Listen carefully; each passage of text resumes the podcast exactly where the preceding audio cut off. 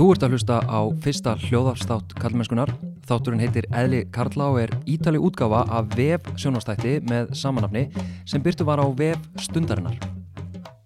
Ég heiti Þorstein Maff Einarsson og séum þáttagerð og efnistök. Ég er mentaði kennari og kynjafræðingur og held einnig utanum samfélagsmiðlinn Karlmennskan á Instagram og Facebook. Umfjöllunarefnið er eðlisíkja eða líffræðileg nauðíkja sem byrtist í því að við teljum okkur geta alhæft um hæfni, getu eða langani fólks út frá kyni þess. Við segjum stundum að það sé ekki eðli karla eða drengja að tjá tilfinningar að sinna börnum en segjum að mótið að sé eðli kvenna að tjá uh, litur og tilfinninga og, og sjá um björn, börn, björn, börn. Við munum skoða hvers vegna það gengur ítla upp að stilla konum og köllum upp sem anstæðu pari með meðfætt ólíkt eðli langanir eða kunnáttu. Til þess leitaði ég til þryggja sefræðinga og ég ætla bara að byrja á því að lega þeim að kynna sig. Já, ég er Brynja Björg Magnúsdóttir, ég er klíniskur taugasalfræðingur uh, og starfa sem dósend í háskólanum í Reykjavík, svona aðalstarfi, kenni, kenni nefndum um heilan og tengsl heilans við hegðun og hugsun uh, en svo er ég líka í, í hlutastarfa á landsbytalanum sem klíniskur taugasalfræðingur og þar er við rauninni að, að, að greina og, og endurhefa fólk sem hefur orðið til dæmis fyrir heilaskaða. Þá er það Íris Ellenberger, dósend í Sackfræði við Háskóla Íslands og eina stopnundum vefsins ö.a.is sem hefur mikið af gaglum upplýsingum um hins eða málumni. En hver er Íris? Uh, Íris uh, er sakfræðingur, uh, hefur óbyrlandi áhuga á sögu kynverundar og hins eginleika, alls konar áhuga verið krasandi gulmiðdóti. Það er Gustaf. Ég heiti Gustaf Adolf Bergman Sigurbjörnsson, ég er doktorsnemi í heimsbyggi, þar sem ég rannsaka eðli samskipta og samkendar og, hérna, og sérstaklega í, í tengslu við samskipti hópa og sérstaklega jáðarópa. Þá að efni þáttarins, ég ætla að aðeins að fara inn í kynjakerfið áður en við heyrum í viðmælendum og fórum, förum inn í eðlið og, og sögu kynja og kyngerfis og heimsbyggilegra vangavelna og svo frammeðis.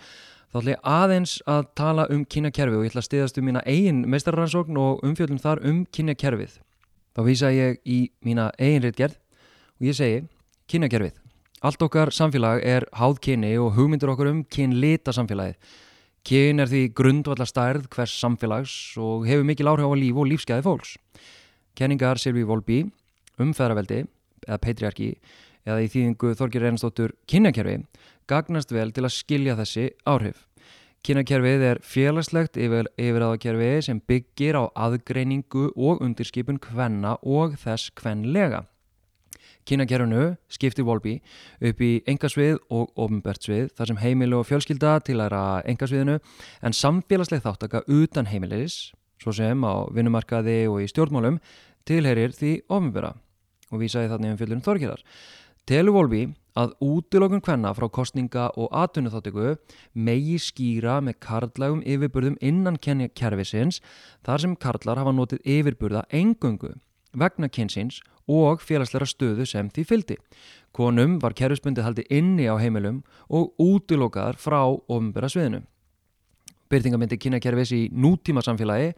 er engum undirskipun og aðgreining á hennu ofinbæra sviði.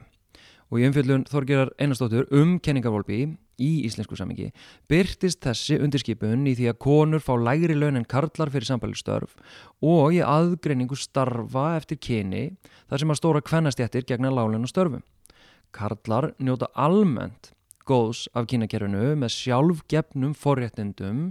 en þar sem kynakerfinu er viðhaldi með félagslegum samskiptum og gjörðum þá njóta ekki allir kallar forréttinda um fram allar konur.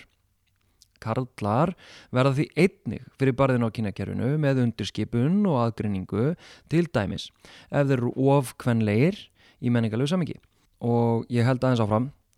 kyn gegnir líki hlutverki í kynakerfinu, innan þess er körlum og hinnu karlæga og konum og hinnu kvenlega stilt upp sem andstæðupari. Þar sem karlir talin vera náttúruleg og eðlislæg andstæða við konu. Vanalega er þá vísa til eðlishyggju sem gerir á fyrir að mun á kynninum megi skýra með vísan í hormónalitninga og kynfæri. Því er oft haldið fram að kallar og konur séu líffræðilegt andstæðipar, þú veist, jafnvel frá sitt hverju plánutinni og vegna þessarar orðræðu að þá longaði mig að fá Brynju eh, til þess að tala dálítið um líffræðina og bara skýra og þá útskýra fyrir mér hvort og þá hvernig þessi tvö kyn sem við tölum alltaf um, kallar og konur, hvernig þau eru ólík og hún rannsakar mikið heilan þannig ég bara spurði hana hvort að það sé svona gífalur munur á heilum kalla og kvenna sem að geti þá útskýrt fyrir okkur þennan uh, hverstaslega veruleika sem við sjáum dagstælega. Það sem er þess að velta fyrir okkur er náttúrulega þessi munur, eða mögulegi munur á heilum kalla og kvenna sem er bara töluvert svona í almennir umræðu. Eh, það er almennt, uh, það er fullt af fréttum sem við sjáum reglulega um, um, um mun, kallar eru svona og konur eru, eru hins eginn og, eh, og ástæðan fyrir að kynin eru svona ólík lítur að vera einhver munur á heilum þeirra, munur á erðafræðin eða eitthvað annað slíkt. Um, en þetta er náttúrulega verið skoða tölvert og ef við byrjum kannski aðeins bara að skoða, velta fyrir okkur heilan, heilanum, hvað, hvað, hvað er hann og hvernig, hvernig virkar hann? Heilin er sérstaklega settur saman úr bara miklum fjölda af taugafrömmum, biljónum taugafrömma uh, og taugafrömmunar senda svo bóð sín á milli og, eh, og það er rauninni virkni heilans, það eru þessi bóð, þessi ólíku bóð þarna, þarna á milli. Eh, þegar við erum að bera saman heila, kalla og kvenna, þá eru við ofta, ofta velta fyrir okkur stærð heilans. Stór heili líktur að vera betri og, og það, það, það er að hluta til rétt. Við, við, við mannfólk erum með stærri heila eh, en margar dýrategundir og getum na, hugsað, floknar hugsanir. Uh, karlar eru með cirka 10% stærri heila en konur það er oft notað sem rauk. Uh, aftur á móti þá er heili kalla bara í hlutvalli við líkamstærð. Karlar eru starri en konur. Uh, við myndum, myndum ekki endilega segja að hávaksnir karlar væru greindari eða eitthvað slíkt eða hávaksnar konur. Heilin er í rauninni bara í hlutvalli við, við líkamstærð, stór hluti af heilanum og starfsemi hans verður náttúrulega bara í að stýra líkamannum. Þannig að uh, þegar við erum að skoða heilan á, á fólki þá þurfum við að, þurfum við að skoða hlutvarslega stærð. En heilin er ekki bara eitthvað sem við fæðumst með og svo er hann þannig. Hann þróast stöðugt og breytist og hann breytist bara í takt við okkar lífsreynslu. Þannig að þegar við erum að bera saman hvort sem er stærð eða virkni heilans hjá fullorðnu fólki uh, þá, þá er það ekki einhver einhver meðfætt starð eða virkni, heldur er það eitthvað sem hefur gerst uh, í takt við þessa reynslu eða þessa, þessa hérna, eða nám eða hvað það er sem, sem, sem viðkomandi hefur bara upplifað á, á lífsleiðinni. Þannig að meira þess að heilin er stöðugt í mótun sem að ætti að gefa okkur vísbendingu um að þetta eðli og þetta meðfætta það kannski er ekki jafn sterkur áhrifavaldur uh, í lífum okkar eins og við oft teljum eða margir telja. Mér þótti sérstaklega áhvert að heyra Brynju útskýra út frá tauga sálfræð og starfsemi heilans í rauninni það sama og kynjafræðin hefur sínt fram á. Að veruleiki okkar litast fyrst og fremst af félagslegum þáttum en ekki lífræðilegum. Og meira segja heilin sjálfur mótast af reynslun okkar. Samt tölum við oft um eðli kynja eða eðli karla og kvenna. Gustaf útskýrir eðlið á doldi skemmtilegan hátt. Þegar við tölum um eðli, að þú veist sko, þú veist svona í grunninn, að þá er eðlið það sem lætur einhvað vera einhvað ákveðið. Þú veist, það er, bara ef við tökum eitthvað svona algjörlega ópolítíst eða svona sem er ekki svona hættulegt eins og að tala um eðli kynja eða eðli mannsins eða eitthvað þannig þá getur við að tala um eðli botla veist, hvað gerir botla að botla veist, er það handfangið eða er það sem er búin til að leir fyrir eitthvað gleri eða hvað, hvað sem það er? Og hérna þannig að þegar við erum að velta fyrir okkur eðli þá erum við ofta að reyna að velta fyrir okkur okkur einhverju sem sem raun og veru hnýtir saman eða tengir það eiginleika hlutaræðins þannig að hann verði að því sem hann er og tengir hann þar alveg líka öðrum hlutum. Þannig að við getum, bollar geta verið alls konar, alls konar í læginu og ímsa vegu og okkur svona dót en við höfum samt einhverju tilfinningu hvenar einhver hættir að vera bolli og verður að skál eða verður að, að glasi eða hvernig sem það er, skiljur við. Og, en það er ekkert sko, en síðan er sko hættan við eðli er að, að fara að tala um veist, það sem við getum kallað eðlishyggju, þar sem við ætlum því að það sé til eitthvað sem er svona ævarandi eða einhver svona fundamental eðli hlutana og, og þegar við erum að tala um kyn eða mannin eða eitthvað þannig að þá, þá erum við ofta sko að þá getum við sagt sko við hlutgerum eðlið, við ge- látum eðlið vera einhverju sko einhverju sem við uh, skiljum og er, og er fast og bundi saman á einhvern hátt þannig að ef viðkomandi hefur ekki þessa ákveðnu eiginleika þá er hann ekki lengur kallmaður eða kona eða manneskja. Og hérna og bara sko veist, að tala um veist,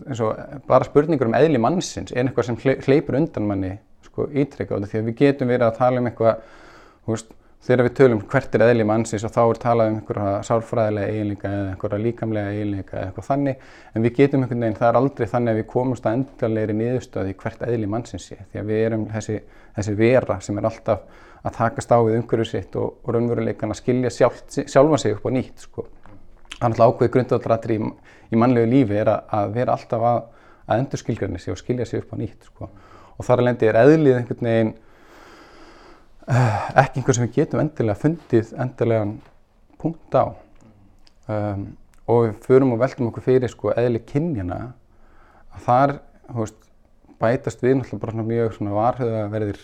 þættir sko. Og náttúrulega í hugmyndarsögulega að þá náttúrulega eðli kynjana eitthvað sem við tölum um í einhverjum svona tvendum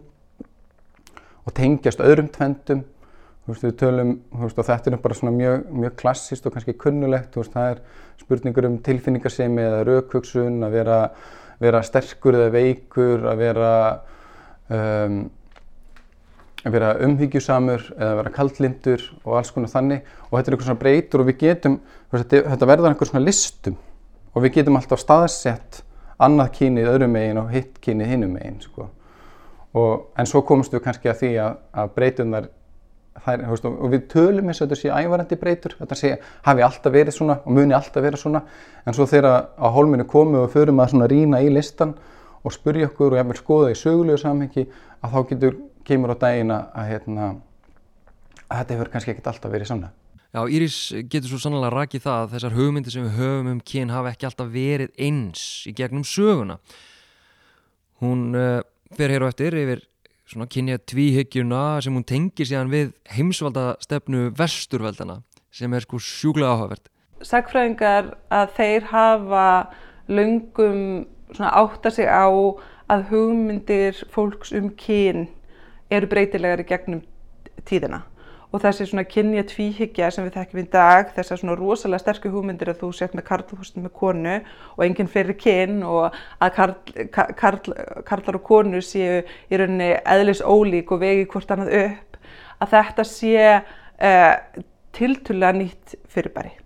Uh, og uh, fræðiminn hafa kannski svolítið verið, að reyna að festa fingur á það hvernig fólk hugsaði um kyn áður fyrr og það eru náttúrulega oft svona umdeildar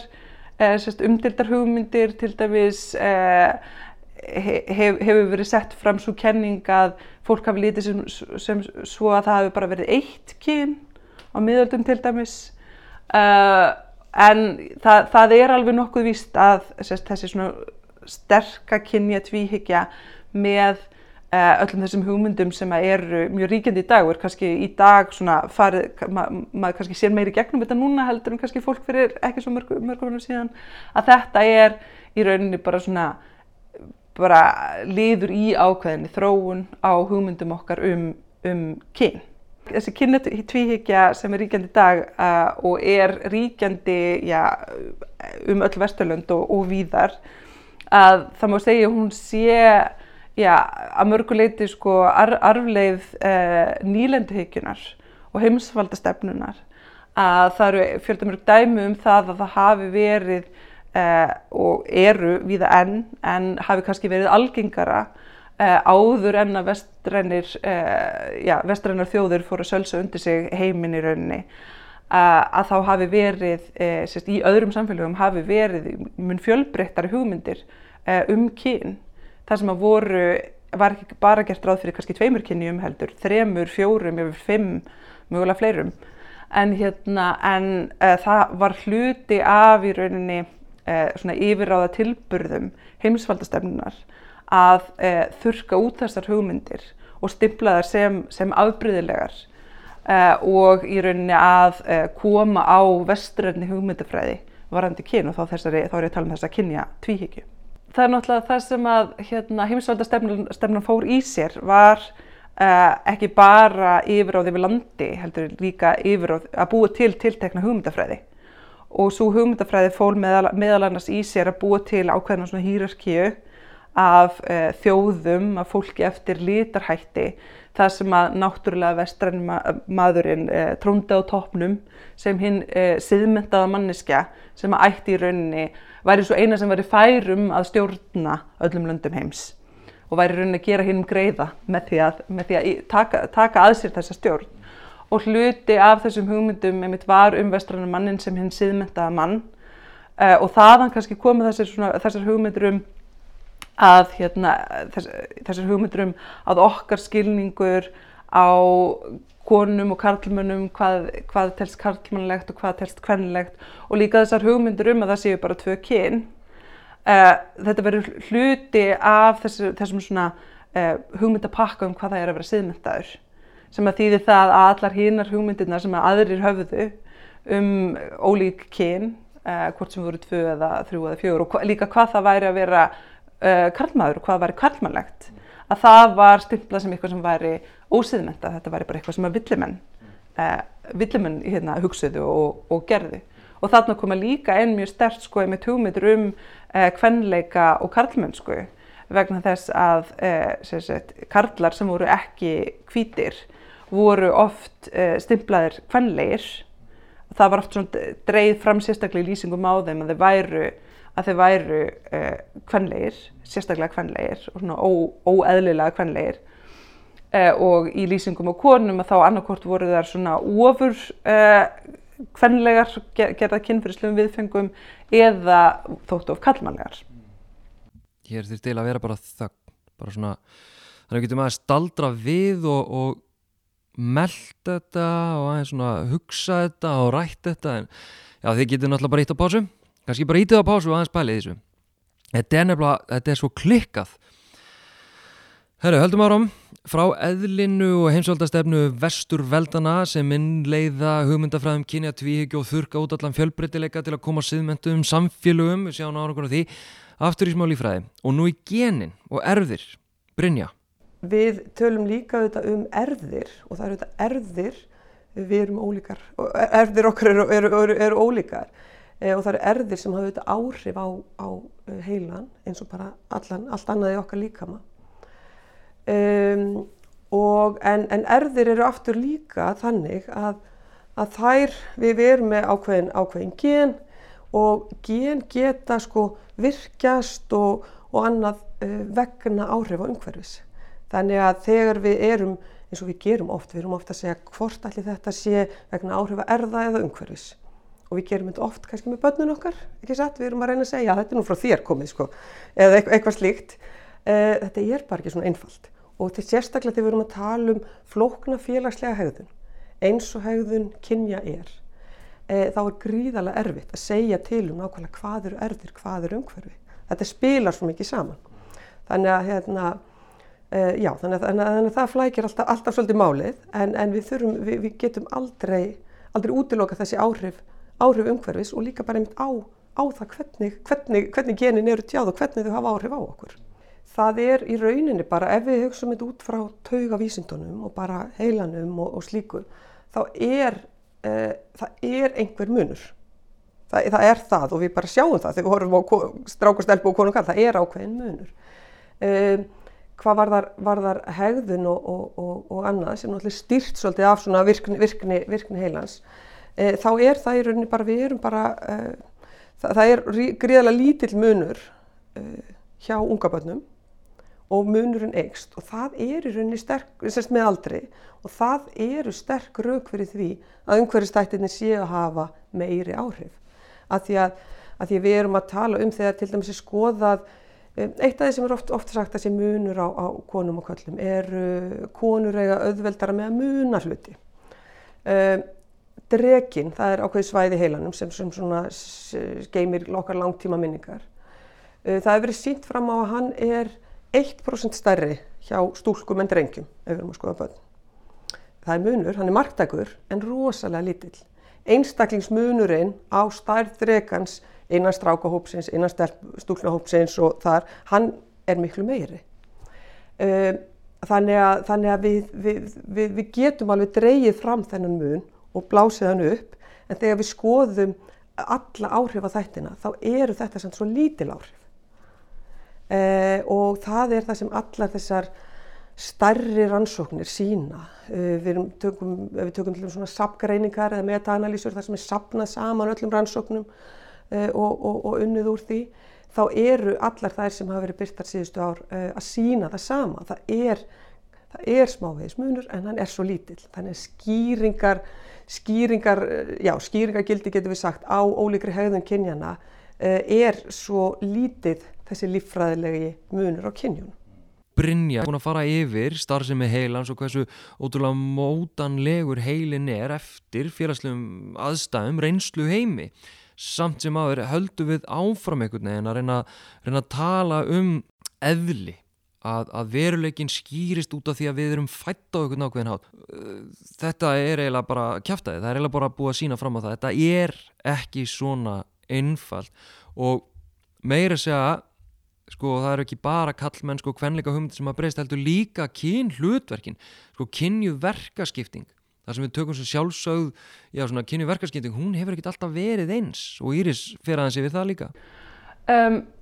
kyn hlutverk það sem að þykir kallmannlegt og þykir, þykir kvenlegt það sem þykir hæfi fyrir kalla og þykir hæfi fyrir konur að þetta tekur sífælnum breytingum Uh, og maður sér það náttúrulega þegar maður er, er sakfræðingur og er að skoða, skoða þessa hluti. Uh, bara mjög nærtækt dæmi að þá uh, það prjóna sem þykir hæfa húsmaðurum nútímans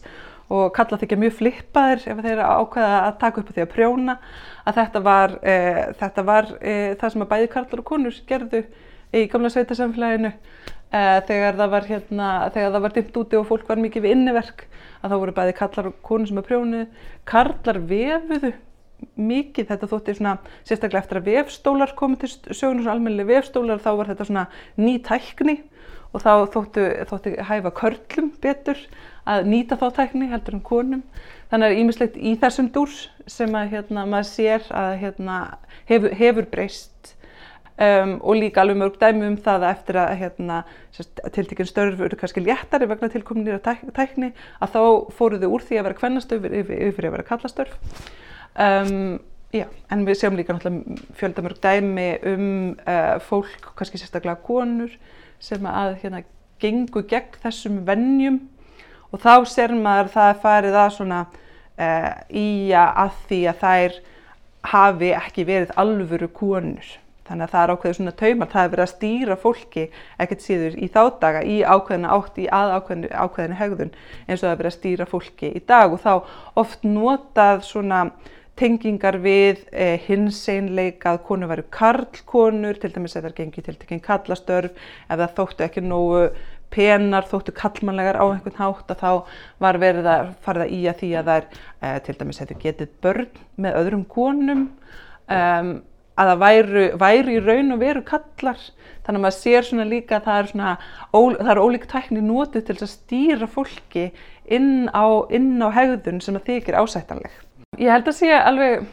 mjög gott að, að skoða þetta skilju hvað þið, þið er að vera alvöru konu og þið er að vera alvöru kall út frá hugmyndum um hins eiginleika. Þannig að það er kannski í gegnum það sem maður sér hvernig, hvernig það er verið að reyna að stýra fólki. Uh, má tala um kynlíf bara allt sem við um, já, ég held að sé alveg mjög gott að, að skoða þetta skilju hvað þið, þið er að vera alvöru konu og þið er að vera alvöru kall út frá hugmyndum um hins eiginleika þannig að það er kannski í gegnum það sem maður sér hvernig, hvernig það er verið að reyna að stýra fólki. Við sjáum sem sagt hvernig það er alltaf verið að reyna að stýra okkur og þessi orður að um að að kalla á hvennastörf þetta sé bara í genónum eða líffræðinni sem að útskýra þetta akkur þetta sé svona, þetta verðist bara að vera kæft aðeins og sama með sko börn og liti veist, þetta er hérna mjög áhugavert Við erum náttúrulega með uh, svona fjöldamörg dæmi úr sögunni þar sem að uh, klæðaburður sem okkur þykir í dag uh, hæfa best annarkvort karl eða konu þótti í rauninni hæfa betur hínu kyninu fyrir kannski 100 árum síðan eða 200, 300 jafnvel. Uh, Barrokk og Rókokk á hérna 17. og, og 18. öldu til dæmis mjög áhugavert dæmi þar sem við erum með uh, sem að kalla tískan er uh, síðar svona íbröðmiklar hárkollur í svona stuttum, stuttum svona hnéböksum, sokkaböksum innanundir eða svona laungum sokkum. Svo er þið svona síðum kápum þannig að það er eins og, er eins og þið séu svona, ef maður sé myndir eins og þið séu bara svona þælum verklegum kjólum Uh, mikið um svona blundur og alls konar svona fínir í fínan útsaum því fínni, því hæfði það betur yfirstætta kallmannum eitthvað sem í dag þykir mjög kvennlegt en þetta þótti klæðnaður sem hæfði mjög vel svona yfirstætta kallmannum á 17. átjöndöld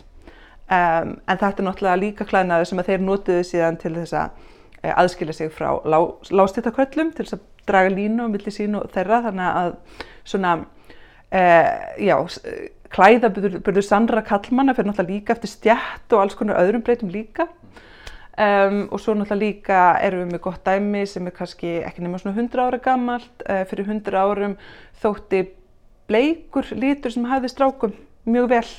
menna þess að, að rauður var uh, svona sterkur uh, litur og þar leiðandi þóttu rauður hæfa karlmönnum mjög vel og því þóttu við hæfa svona aðeins mildari útgáfa, hæfði drengi mjög vel, þetta er svona, já, sterkur og karlmönnlegu litur og meðan blár litur væri svona, uh, já, svona uh, finlegri og hæfði því stúlkum betur. Uh, og svo við, sjáum við myndir, kannski svona 150, 150 ára gamla ljósmyndir af ungum, uh, ungum börnum og þá, þá er við hæfi fram, alveg fram til kannski svona 6 ára aldurs að drengir í kjólum og strákur og stelpur er í rauninni uh, bæði í svona hvítum, finlegum kjólum þangar til þau eru svona 5-6 ára og strákar með sítt hár, alveg eins og stúlkur. Þannig að hérna, en það myndi, myndur mjög fáir klæða drengina sína á þennan hátt í dag, en þetta þóttu fullkomlega Uh, já, viðtekinn klæðnaður fyrir drengi fyrir 150 árum síðan, uh, svona, já, 120-150 árum síðan. Þannig að þannig breytast hlutinir. Þráttur er að við sjáum hlutin að breytast, að þá eru ákveðnir þættir sem virðast alltaf halda sér, eins og til dæmis undirskipun kvenleika og kvenna. Gustaf telur mikilvægt í pólitísku samingi að geta talað um konur eða fólk eftir ákveðinni flokkun við getum séð til dæmis í svona pólitísku samhengi að þá hefur til þess að verið mjög mikilvægt að tala um að geta tala um kynin til dæmis hvernig þetta bara þetta gengur öll út af það að geta tekið konur út fyrir svega sem einhverja afmarkaða skiljanlega kategóriu en þegar við séum þess að vera að greina í raun og veru þegar að ferða allar að fara inn í, inn í svona nitti gritti sem maður segir og, og allar skilgjörna nákvæmlega hvað gerir konu á konu að þá komumstu að því að það hleypur alltaf undan okkur. Að veruleiki hvenna er til dæmis mjög fjölbreyttur og ólíkur eftir því veist, uh, hverjar þjóður þú ert, hver, hver, hver lítur hörundsins þér þins er skilji og, og hérna og það er alltaf mjög hérna uh, breytilegt. Þannig að veist, konur hafa til dæmis ekki veist, er ekki einslitur hópur sem hafa einslita reynslu þó að það sé ákveð einhvað sem tengir reynslu þeirra saman þegar þær búa í, í feðraveldi samfélagi. Gustaf bendir hins vegar á að það er hættulegt að fast setja hvaða þýðir að vera kona eða að vera kall. Hann varar við að fast setja þessa flokkun niður í eðli eða fasta eitthvað sem að breytist aldrei. Af því það er bara ránt og það kemur í veg líka fyrir við jafnbreytti. Og, og það sem gerist í sagt, þegar við förum að tala um eðli sem sko... Uh, óbreytanlega eiginleika þegar við förum að tala um konur veist, konur áttu frekar um að sinna börnunum út af því að þær eru eðlislega umhyggjusamari heldur en kallar að þá sköpum við aðstæður þar sem sko við getum ekki einu sinni tekið sko umræðina við getum ekki einu sinni ítt á þennan skilning því hann er, það er einhver búin að fastsetja hann. Er orðin sko, hann er bara hlutlægur en ekki félagslega bundin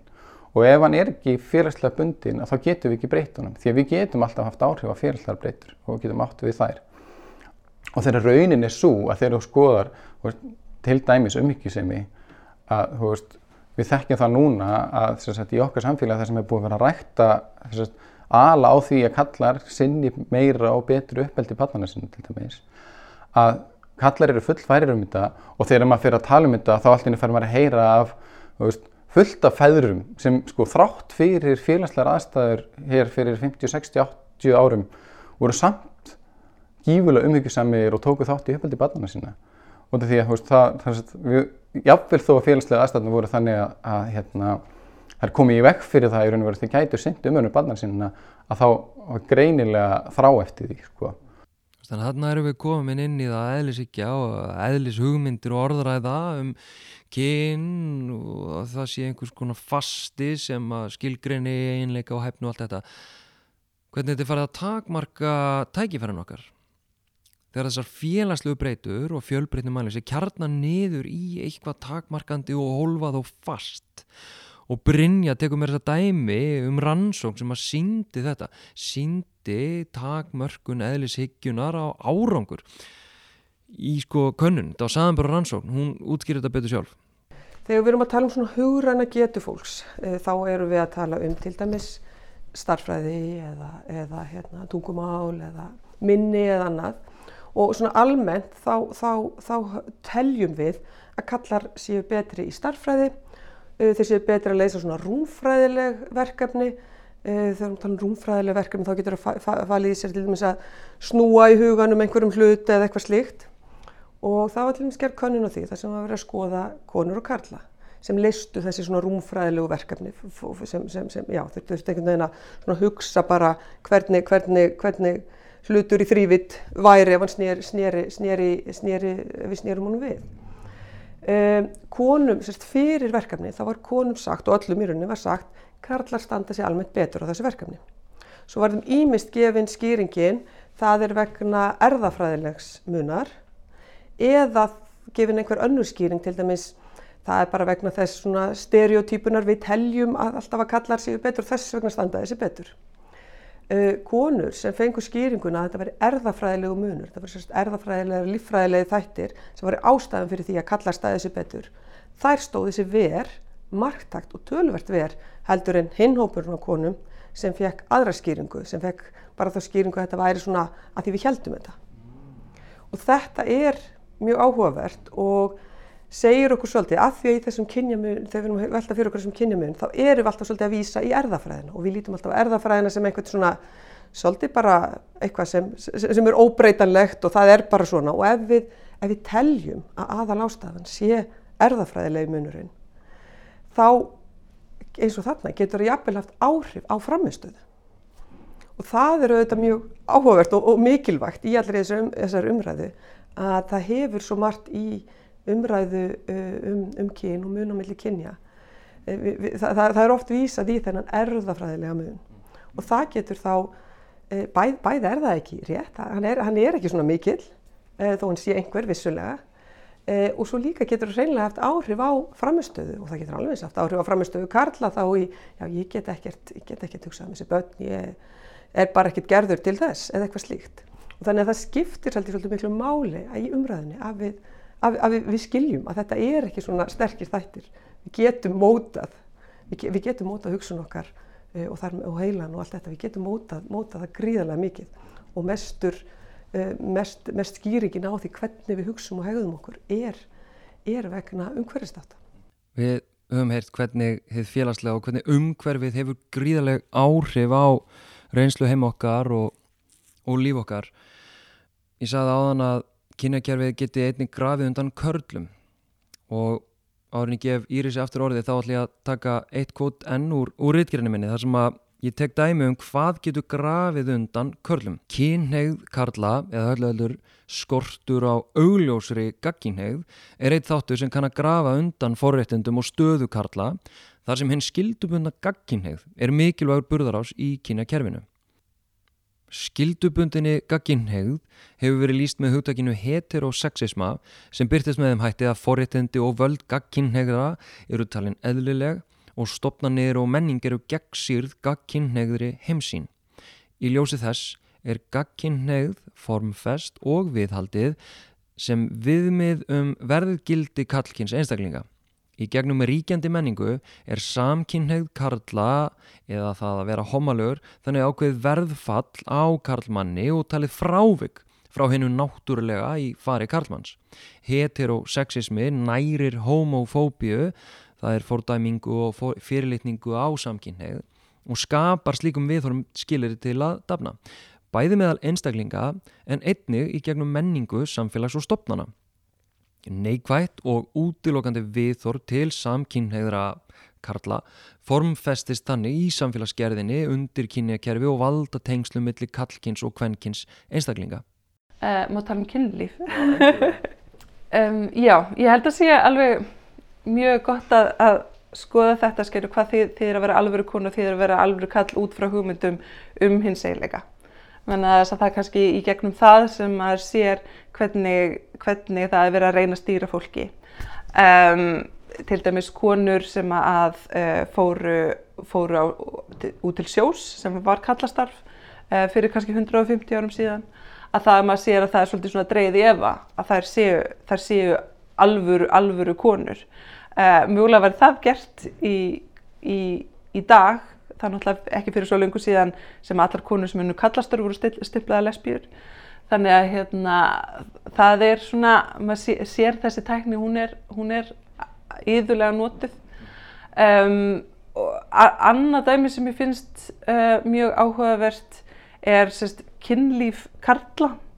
Að við hefum með mörg dæmum það var marga vittnisspörðu um það uh, frá því fyrir kannski já, 100 árum síðan, uh, ég vil minna að e, það í rauninni skiptir ekki mestu máli hverjum karlar stunda kynlíf með upp og hvort þeir teljist e, tilhlýðilega gagkinneiðir kallmenn að það skiptir máli hvað þeir gera í kynlífinu. Þannig að ef að þeir sagt, nota teipi sitt og setja það inn í líkamsópju annari mannesku þá skiptir það kannski ekki öllu máli hvers kynns svo manneska er. Það getur verið kall, það getur verið kona það skiptir mestu máli upp á gagkinniða sjálfsmyndu, upp á það aðrir viðukenni þennan karl sem uh, eh, gagkinniðan karlmann, alvöru karlmann en að gesa lappa á þeim tíma allavega, að, að það skiptir máli hvað hann er að gera í kynlífinu, ekki með hverjum hann er að gera það. Um, þannig ef við hugsaum til dæmis í dag um uh, samkynniða, tvíkynniða, pannkynniða karla að, uh, eða gagkinniða karla, kannski sérstaklega kynnaði kalla, að ef að þeir væru að stunda kynlíf með öðrum körlum, ég held að enginn í dag, örgulega hvorki þeir sjálfur, nýja samferðarfólku þeirra, myndi segja, já þessi náðungi er gagkinhæður, hann bara sefur hjá öðrum köllum, öðru kóru hann er í samstundi stimplaður sem samkynneður, sem tvíkynneður, sem, sem pannkynneður og myndi kannski það sem að meira er taka upp þessa sjálfsmynd líka sjálfur. Bara núna, eh, núna stund að ég, eh, finnst mér gott að stunda kynlíf með karlmenn með öðru kóru, það þýðir að ég hlýta að vera samkynneður, að pannkynneður, að tvíkynneður. Írist dró svo stert saman hvernig svona leibeling eða skilgreiningar þörfin í samfélagin er, er þvingand og takmarkandi. Við höfum alltaf að reyna að fastsetja hvert annað til þess að reyna að meika, til þess að skilja, til þess að þóla. Þetta óvisa náttúrulega, eh, óvinnu margra. En við, veginn, við, við höfum ekki svigurum fyrir já, fjölbreytnar. Við höfum alltaf að reyna að elda einhvers konar, einhverja farfi, einhverja staðmyndir, eitthvað til þess að meika það. En nú ætla ég að þess að flækja þetta, ég ætla ekki að flækja þetta, ég ætla að leifa viðmælundum mínum að þess að flækja málið uh, um eðlið. Af því að Gustaf talar um að í rauninni þá gætum við alveg talað um eðli karla og hvenna. En hann talar ekki um það eins og kannski við tölum almenntum út frá svona líffræðilegri nauðhyggju, heldur talar hann um, um eðli í svona félagslegu samingi út frá Búvar og Böttler Þetta er alveg áhugavert. Að það sem sko eðli gerir, ef við lítum á það sem, sko við getum alveg talað um, sko við getum alveg leift okkur að tala um eðli. Og við getum alveg talað um eðli sem einhvað sem, ef við lítum til dæmis á, á hérna, uh, Simone de Beauvoir, og, og hennar greiningu í hinnikyninu að þá sagt, leggur hún gífurlega miklu áherslu á sko, veru kynjaveru, kalla á hvenna sem eru nú sko, ákveðin svona stíl á því að vera í heiminum sko. þetta er ákveðin, ákveðin leið til þess að performa það að vera manneskja og um leið og þú skilur það þannig þá getur alveg sagt ok, veist, ef við tökum bara þennan stíl og segjum veist, þetta er í okkar samfélagi eðli þess að vera kona það er að uppfylla þennan hérna stíl að þá getur sagt það kannski og sagt kannski og, veist, og þú getur alveg haft veist, fólki sem finnst óþægild að hugsa til þess að það hefur verið einhvern veginn upprætt kynja skiptingin á okkur nátt sko. það getur alveg hugsa ok, við höfum þá þessa, hérna, þessa stíla á því að vera í heiminum og átt að segja á því að þeir eru ekki ævarandi, þeir eru ekki, þetta er bara ákveðin svona endurtekning, ákveðin performance, ákveðin svona hérna ákvæðin líkamli tengslu aðra, aðra líkama og, hérna, og þá getur haft eðli þann inni. En þegar við erum að tala í sagt, svona ríkjandi orðraða í samfélaginu hún er ekki um eðli á, þessari, á þessu leveli sko, sem leifir, breyt, leifir hennar breytanleika. Hún er alltaf um, þegar við förum að tala um eðli þá erum við alltaf að reyna einhvern veginn að, að binda það einhverju líffræði. Og, og það, er alltaf, það er alltaf þessi svona pólitíski tendens til þess að draga uh, kynjakategóriunar niður í einhvern veginn líffræði og einhverjum svona þróunafræðilegar ástöður það er svona, þú veist, það er ótrúlega þú veist, maður er svona stundum að horfa á sko hvernig fólk sko svona, hvað maður segir, svona grasp for straws þegar það er að reyna að útskýra af hverju strákar fíla bíla meira heldur en stelpur skilur, og þetta er náttúrulega, þú veist, hvað þú veist, þú þetta verður alltaf einhver svona kjánalegt, þú veist, einhver svona, já, uh, Veist, ég, ég, ég veit ekki eins og hvernig þú myndir kokka upp einhverju svona ástæð fyrir okkur bíla, strákar eftir að fíla bíla veist, og þegar þeir horfið á dýrin hlaupa á sléttunni eða eitthvað svona dót veist, það er náttúrulega ekki þetta er náttúrulega ekki hægt sko. það er engin leið til þess að finna einhverja leið til þess að, tengja einhver svona þróunafræðilar ástæðar fyrir öllum þessu félagslegu breytin sem við gerum. En þetta er alltaf viðlitnin og hún kemur í veg fyrir þegar við tengjum þetta bara við líffræði að þá er ekki umræða til staðar. Og við komumst aldrei áfram í, í jafnrættisumræðinu ef við ætlum alltaf að binda eðlið við það sem er eitthvað sem er óbreytanlegt. Hættan við sko eðli og bara orðið eðli sjálf í pólitískri orðræðu er svo að hún kalla fram með þessa lífræðilegu breytu flestir eru ekki að fara að kynna sér uh, hérna mísmunandi tegund leiðir til að skilja hvað eðli er veist, það fólk er ekki að fara einhverju hugmyndasögulega greiningu veist, til þess að veist, Jói frændi í bóðinu í fermingaramælinu er ekki að fara hérna eitthvað, sem þú hittir í fermingunni hann er ekki að fara að velta sér upp á því hvað, hérna, hver er greinamunurinn já, ertu að tala um aristotelist eðli eða hérna, eða böllerist og hérna og, og þar að leiðandi er kannski mikilvægt að grafa undan þeirri orðræði út af því að með því að kalla hana fram að þá ert að kalla ákveðin hugreiningatengsl í fólki almennt sem draga orðana niður í heiði líffræðilega og heiði óbreytanlega. Gústi talar um að við komumst ekki áfram í jafnbreytis umræðina, við ætlum alltaf að binda eðli við það sem er óbreytanlegt, við einhverja líffræðileg sem bara er först starð og ég tek algjörlega undir þetta með Gústafi að við verðum að sjá allar þessar hugmyndir og, og hvernig eh, hugmyndirnar er að stýra á erunni takmarka lífsgæði fólks. Og mér langar að í síðasta skipti að fara aðeins inn í, í rittgerðina mína þar sem að ég fjalla um leikreglur kynjakerfisins. Leikreglur kynjakerfisins. Kynjakerfinu er haldið uppi með leikrætni tjáningu okkar á kyni þar sem kyn og kyngerfi verðast samofinn sem först stærð líkt og kyngerfi sé eðlileg framvinda af einhvers konar innra eðli hins lífræðilega kyns. Kyn er hins vegar ekki först stærð, heldur er skilgreint og aðalast merkingu í gegnum menningu og aðstæður hverju sinni, eins og komið við fram.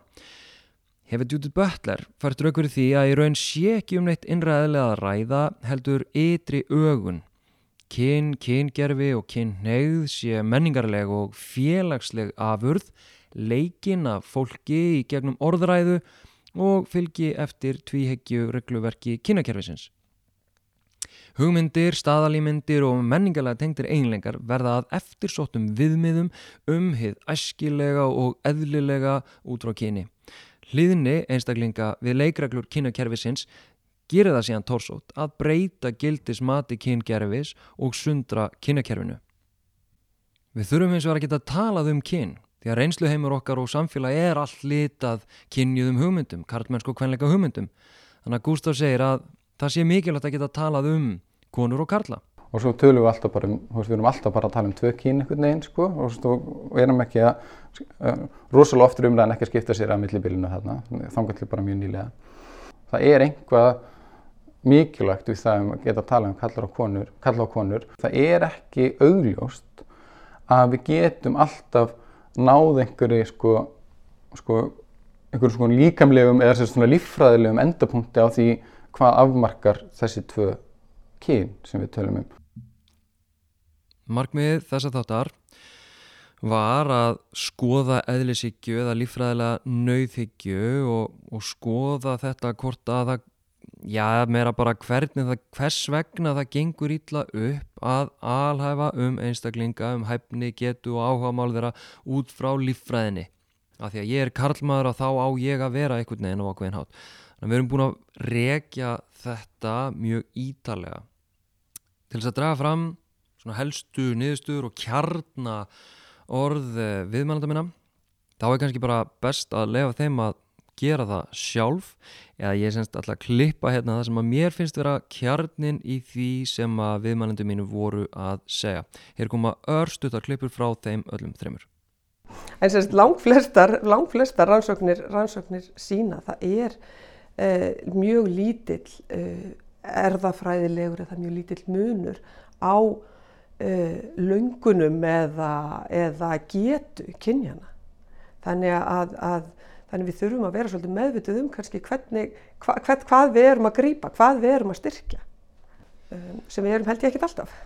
Og þannig að það skiptir ég svolítið miklu máli í umræðinni að við, að, að við, við skiljum að þetta er ekki svona sterkir þættir. Við getum mótað,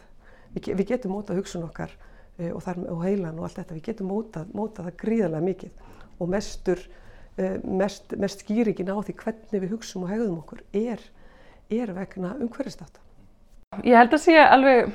mjög gott að, að skoða þetta skilju hvað þið, þið er að vera alvöru konu og þið er að vera alvöru kall út frá hugmyndum um hins eiginleika. Þannig að það er kannski í gegnum það sem maður sér hvernig, hvernig það er verið að reyna að stýra fólki. Já, ég held sko að það sé sko nokkur ljóst að allt sem skiptir okkur máli hvað kynu varðar er félagslega ákvarða. Eðli Karla virðist því aðeins vera til í félagslegu samingi og því tæplega hægt að fullera um að kallar og konur séu lífræðilegt anstæðu par með meðfætta ólíka hæfniða áhugamál. Að halda slíku fram er ekki bara ránt, heldur kemur það einni í veg fyrir jafnbrytti. Takk fyrir að hlusta. Þið getið alltaf haft samband við mig gegnum samfélagsmiðlana Karlmennskan á Facebook eða Instagram. Ég þakka viðmælandum mínum, Íris Ellenberger, Gústafi Adolfi Bergmann og Brynju Björk innilega fyrir þeirra framlag. Feitt sjátátt á veganbúðina og ég breytti sjóð Ísland sem styrtu þessa þáttagerð. Þá er þetta næst. Bye.